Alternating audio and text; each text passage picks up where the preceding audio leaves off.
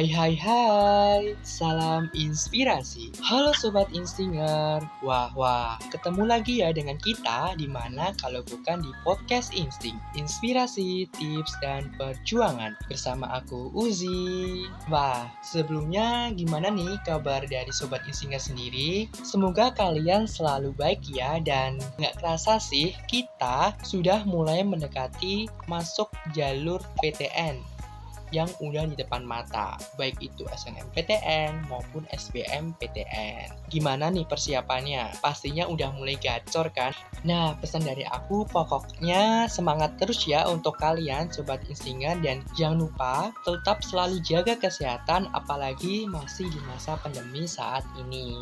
Nah, walaupun Salma nggak membersamai aku tetapi ada eh, partner aku di episode kali ini yaitu Kak Konita. Sebelumnya kita kenalan dulu ya Kak. Hai Kak Konita, gimana nih kabarnya? Halo halo, baik. Kakak gimana nih? Alhamdulillah juga baik Kak. Kali ini kita sedikit mau ngobrol-ngobrol ya Kak terkait beasiswa nih. Kan kebetulan Kakak tuh salah satu awardee suatu beasiswa. Nah, kan pas banget kebetulan bagi sobat instinger yang mau masuk perguruan tinggi dan ingin mendapatkan suatu beasiswa yang benefitnya itu sangat banyak banget. Mungkin sobat instinger juga berpikiran kalau meringankan beban orang tua dalam urusan biaya pendidikan adalah sebuah goals. Salah satunya adalah melalui program beasiswa. Dan kebetulan Kak Konita ini salah satu awardee beasiswa. Nah, untuk lebih lanjutnya, kita ngobrol-ngobrol ya sama Kak Konita terkait program beasiswa. Sebelumnya, aku mau perkenalan sedikit karena sesuai dengan peribahasa tak kenal maka tak sayang. Boleh sedikit nih Kak, kenalin dari namanya, universitasnya dari mana, dan jurusan apa, serta kesibukannya sekarang nih apakah? Oke,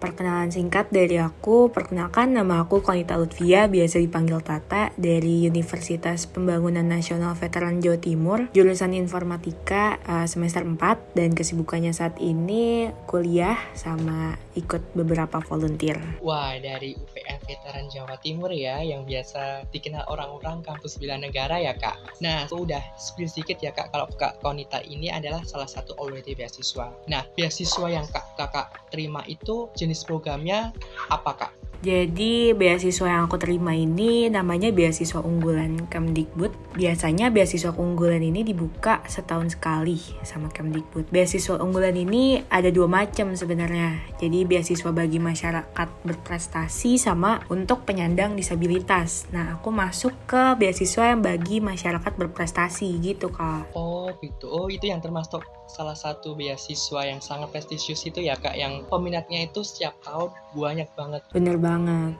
Untuk syarat beasiswa tersebut itu apakah boleh lulusan SMA atau harus mahasiswa ongoing kak? Oh oke okay, oke okay. jadi aku jelasin sedikit ya. Jadi beasiswa unggulan ini yang boleh ngedaftar itu mahasiswa baru bisa sama mahasiswa ongoing maksimal semester 3 Wah, lulusan SMA juga bisa ya kak mahasiswa baru, terutama bagi teman-teman sobat instingar yang mau mencoba daftar beasiswa unggulan, bisa nih cek di webnya beasiswa unggulan yang diselenggarakan oleh Kemdikbud.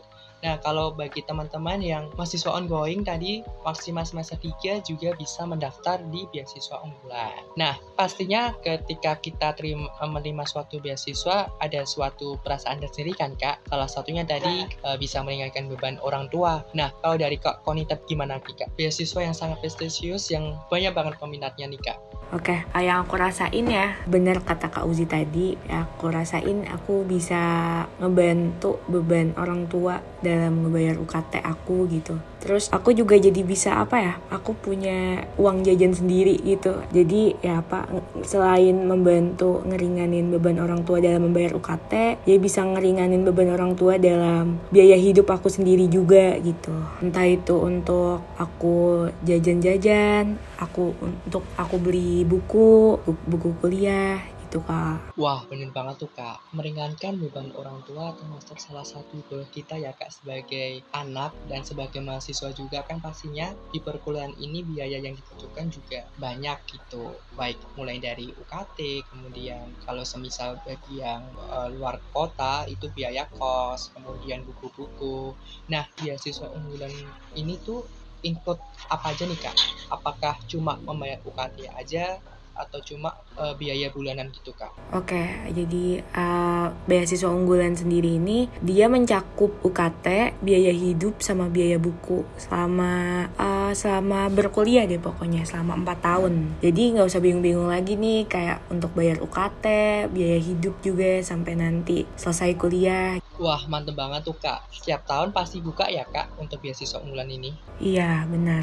Jangan lupa juga buat cek di Instagramnya mereka biasanya ngasih info di Instagram kok. Nah bener banget tuh. Kalian jangan sungkan-sungkan untuk mencari info terkait beasiswa unggulan nih. Karena ada sosial medianya sendiri dari beasiswa unggulan ini. Aku mau sedikit tanya nih kak. Uh, ada nggak sih hal-hal yang perlu dipersiapkan untuk mendaftar dari beasiswa ini? Hal yang harus dipersiapkan dan jangan sampai sampai ditinggalkan walaupun itu sekecil apa pun. Oke, aku jawab ya. Jadi hal-hal yang harus dipersiapin sebelumnya itu tips dari aku usahain esai yang dibuat. Jadi syarat salah satu syarat beasiswa unggulan ini disuruh bikin esai gitu esai tentang kenapa sih kamu tuh harus dipilih jadi apa di beasiswa unggulan dan apa kontribusi kamu nanti setelah kamu dipilih menjadi di beasiswa unggulan. Nah, itu dibikin esai dan dan coba untuk sejujur mungkin di dalam esai itu selain itu juga bikin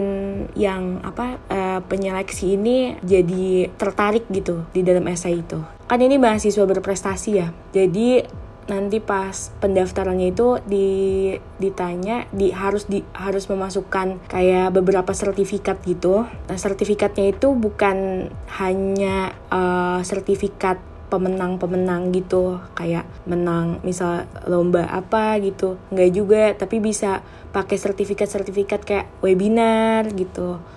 Sertifikat webinar workshop gitu-gitu kak. Jadi uh, perbanyak sertif-sertif juga sih menurut aku. Karena itu bakal dipakai juga nantinya di beasiswa unggulan gitu kak. Wah ternyata persiapannya juga banyak banget ya kak terkait beasiswa unggulan tersebut. 11-12 sama beasiswa LPDP gitu ya kak? Ah iya benar. Jadi ini tuh satu apa ya? Jadi satu program gitu dari Kemdikbud. Jadi kalau beasiswa LPDP setauku untuk yang S2 kalau beasiswa unggulan ini S1 ya kak? S1, S2, S3 sih beasiswa unggulan juga gitu.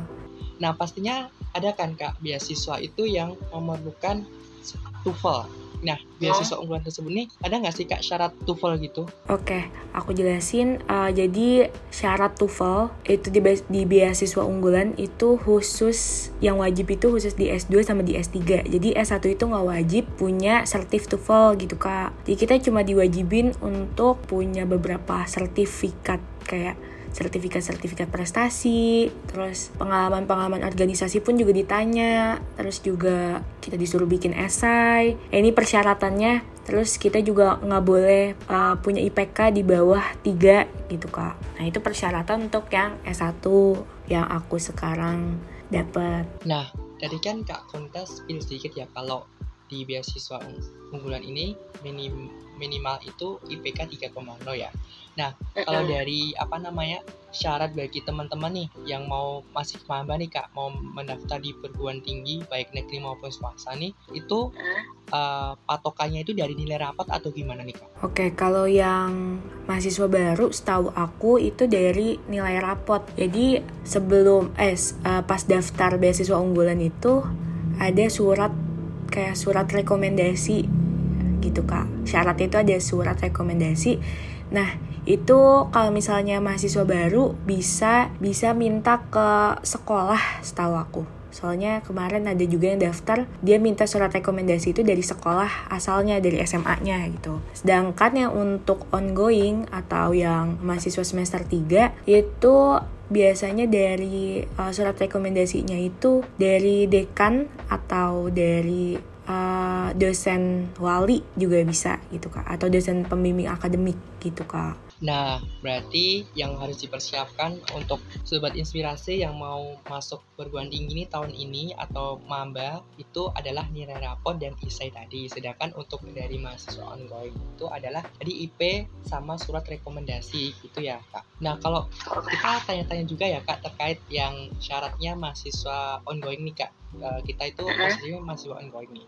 Nah itu apakah IP-nya itu harus minim, minim 3,0 sampai lulus atau gimana nih kak? Kok semisal nih suatu satu semester nih kita dapat di bawah 3,0 nih, itu ada nggak sih kak? Teguran atau nggak uh, hukuman dari si penyelenggara beasiswa unggulan tersebut kak?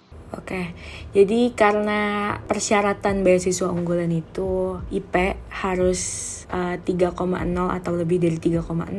Jadi kalau misalnya uh, tiba-tiba nih IP-nya kurang dari 3,0, itu bisa dicabut beasiswanya gitu kak. Karena uh, sebelum kita dapet beasiswanya kita disuruh tanda tangan kontrak di mana tanda eh kontraknya itu uh, menyebutkan bahwa kalau misalnya kita uh, memiliki nilai IP di bawah 3,0 maka mau nggak mau uh, beasiswa unggulan beasiswanya akan dicabut gitu kak. Wah ternyata serem juga ya kak untuk hukumannya kalau semisal dari IP kita itu jadi uh, di bawah 3,0 nih. Jadi mau nggak mau sebagai penerimaan beasiswa unggulan itu kita harus maksimal mungkin ya kak selama masa perkuliahan gitu. Jadi kalau bisa ya di atas 3,0 nggak mepet gitu ya kak. Nah bener banget. Makanya kalau misalnya udah dapet beasiswanya harus semangat belajar. Bener banget nih. Pastinya kita juga harus bisa menyeimbangkan antara akademik maupun non akademik ya kak. Karena kan di beasiswa unggulan tersebut kan nggak cuma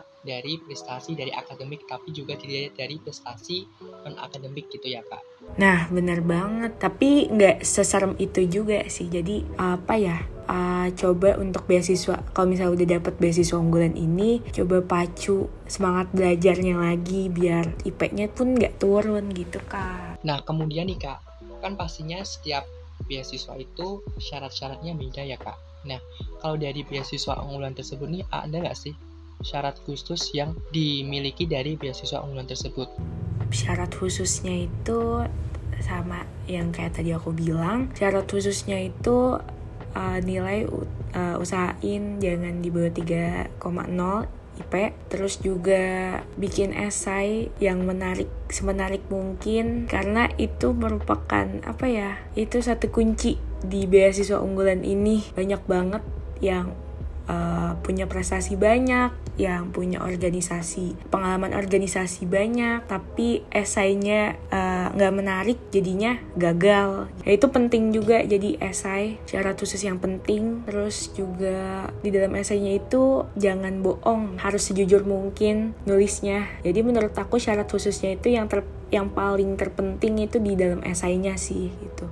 Karena mau bagus apa pun pengalaman organisasi sebanyak apa pun prestasi yang didapat kalau misalnya pas bagian penulisan esainya enggak apa ya enggak mencoba menarik perhatian penyeleksi itu juga bakalan gagal juga kak gitu.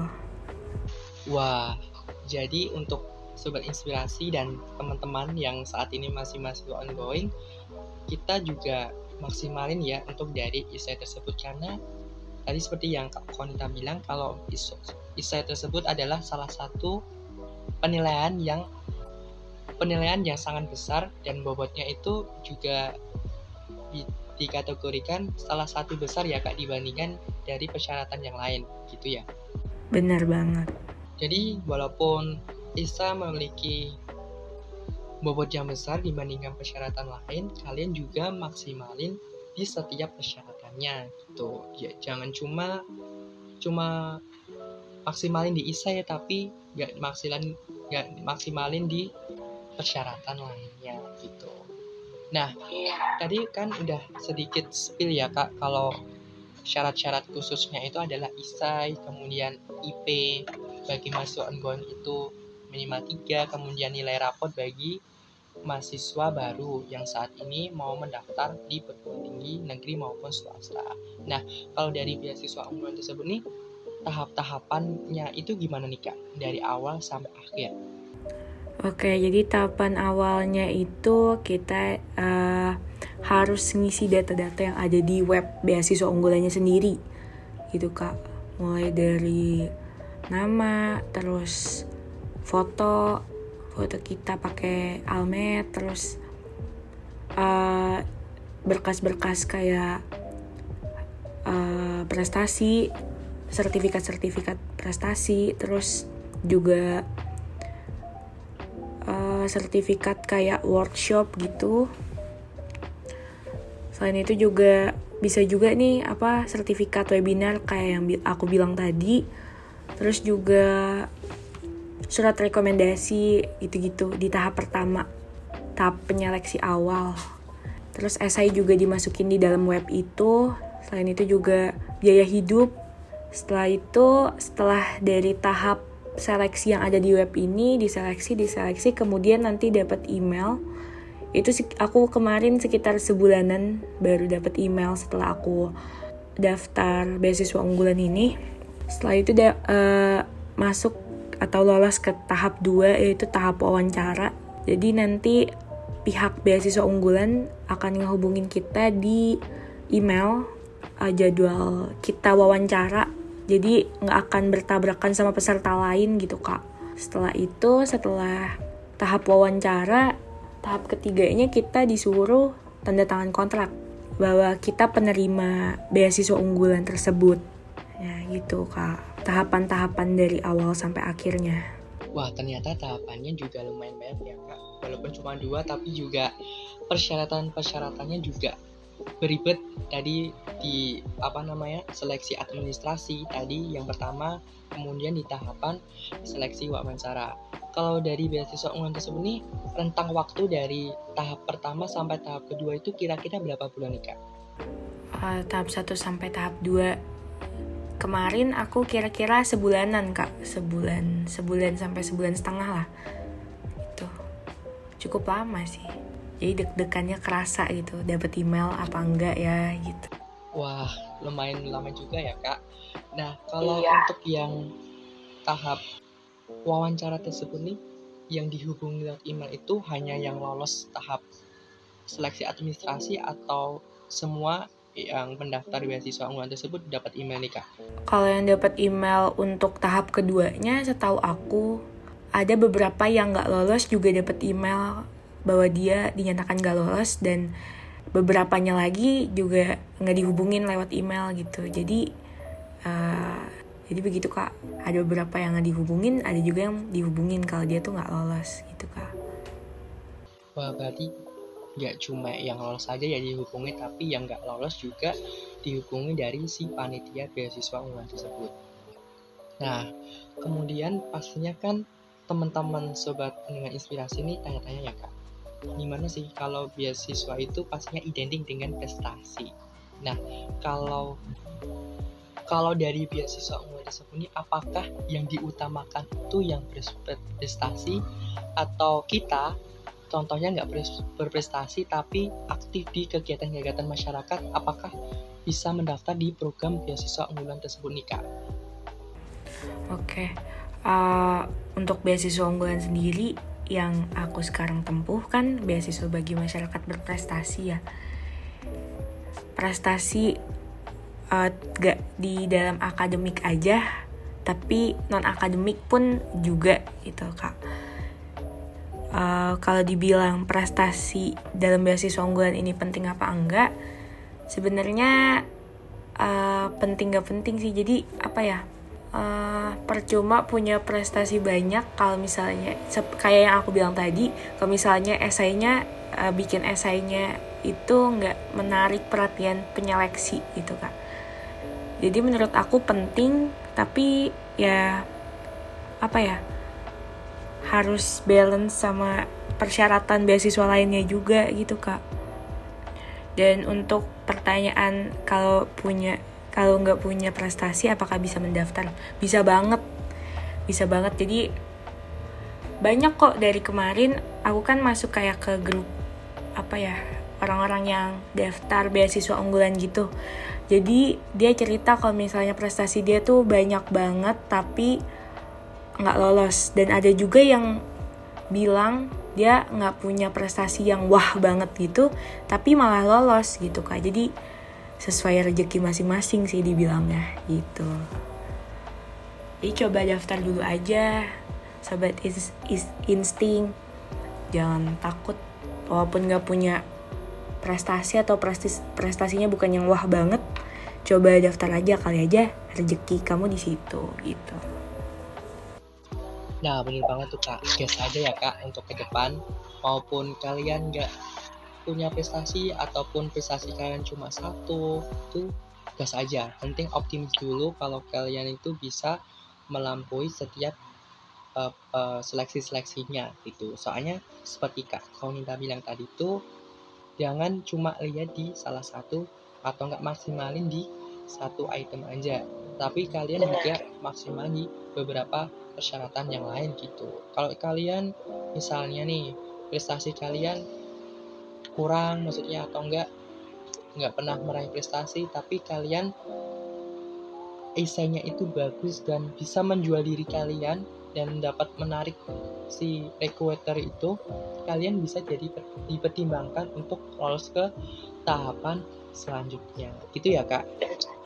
Jadi kesimpulannya itu kayak gini ya kak uh, untuk mau mendaftar beasiswa unggulan tuh nggak cuma yang berprestasi aja yang bisa mendaftar tapi semua anak itu bisa mendaftar ya kak.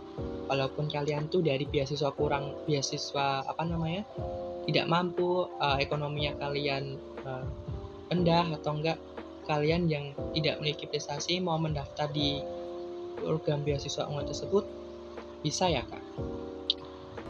Wah bisa banget kak bisa banget jadi semua orang bisa daftar di sini selama persyaratannya masih masuk gitu kayak yang tadi aku bilang mahasiswa baru, terus mahasiswa ongoing sampai maksimal semester 3, terus mahasiswa-mahasiswa S2 juga dan S3 juga bisa banget buat daftar beasiswa unggulan ini. Mau dia punya prestasi, mau enggak, coba tapi coba daftar dulu aja gitu. Bener-bener banget tuh pokoknya coba terus aja dan jangan pesimis kalau kalian tuh nggak punya prestasi mau mendaftar di program beasiswa unggulan tersebut. Nah, terakhir nih kak, uh, ada nggak sih kak tip and tricks yang kak, uh, kakak ingin sampaikan kepada sobat instinger agar lolos beasiswa unggulan seperti yang kakak terima tersebut, terutama bagi teman-teman nih yang mau masuk ke perguruan tinggi negeri maupun swasta atau mahasiswa baru untuk mendaftar di program beasiswa unggulan tersebut kak. Oke tips and trick dari aku sendiri uh, yang pertama itu banyakin sertifikat sertifikat mulai dari sertifikat webinar terus sertifikat keahlian kayak misalnya nih di jurusan aku jurusan informatika itu bisa banget untuk kayak ngikut ikut boot bootcamp bootcamp gitu bahasa bahasa pemrograman kayak bahasa C bahasa Python itu bakalan dapet sertifikat keahlian kan. Dan nanti sertifikat keahliannya itu bak bisa dipakai untuk daftar beasiswa unggulan ini.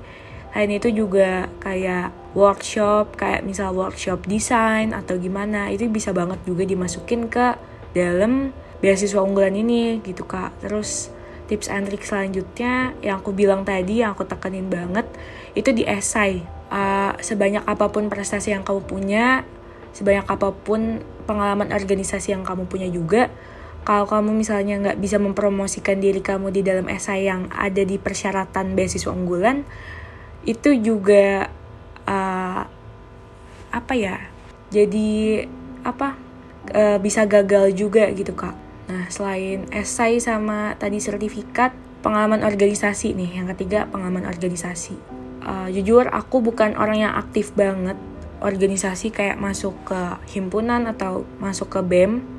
Tapi aku coba untuk kayak ikut organisasi di luar kampus, kayak misalnya ikut-ikut bervolunteer, terus ikut-ikut uh, apa ya, pokoknya volunteer-volunteer di luar kampus gitu.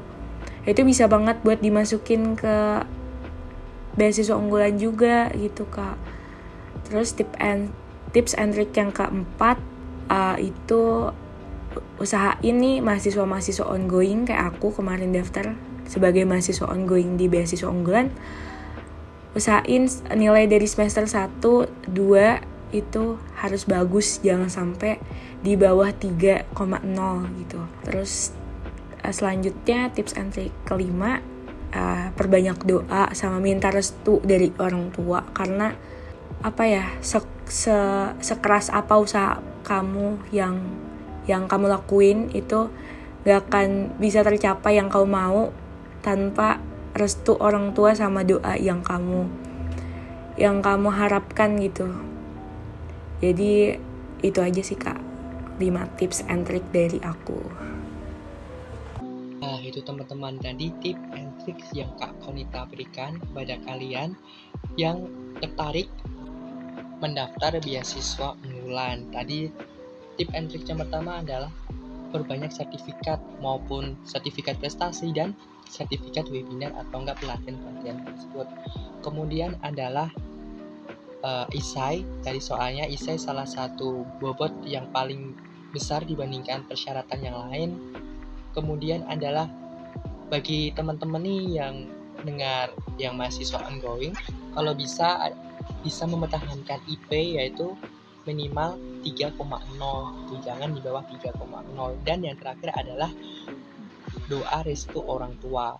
Soalnya kalau kita udah semaksimal mungkin dari awal tetapi kita tidak meminta doa restu orang tua pastinya juga ada gimana gitu ya kak. Kalau semisal kita cuma mengandalkan diri kita sendiri tapi tidak mengandalkan si orang tua kita sendiri gitu. benar benar banget kak. Doa restu orang tua tuh apa ya kunci dari segalanya lah. Mau usaha kita udah sekeras apa pun kalau misalnya kita nggak dapet restu dari orang tua kita susah juga sih. Sulit gitu. Buat ngejalaninnya ke depannya. Wah, bener banget tuh kak. Nah, dan nggak terasa nih kak, uh, kita ngobrol-ngobrolnya itu udah sampai di penghujung acara. Dan artinya kita segera mengakhiri bincang-bincang pada kali ini dan sebelumnya aku ngucapin banyak terima kasih ya kak kepada kak Konita atas waktunya udah sering-sering sedikit tentang beasiswa dan kasih sedikit triks untuk para sobat instinger yang mau mendaftar program beasiswa unggulan. Dan dari aku banyak-banyak terima kasih ya kak udah meluangkan waktunya. Iya, makasih juga. Nah, oke siap kak. Jadi teman-teman tadi kita udah sedikit-sedikit ngobrol kait beasiswa. Nah, semoga cerita dari Kak Konita tadi bisa menginspirasi ya, terutama bagi Sobat Insinger yang saat ini mungkin sedang berjuang juga dalam program beasiswa terutama bagi kalian yang tertarik untuk mendaftar di program beasiswa unggulan seperti yang Kak Konita dapatkan. Nah, sebelum menutup obrolan hari ini, aku mau ngingetin nih bagi Sobat Instinger, selain di platform Spotify, tim Inspirator Nasional juga hadir di Instagram, YouTube, dan TikTok. Jadi, Jangan lupa untuk mampir ya di platform-platform lainnya. Dan nantikan konten-konten lain seputar PTN yang tentunya itu nggak kalah seru dan sangat inspiratif. Stay tune terus di podcast tim Inspirator Nasional. Sampai jumpa dan salam inspirasi.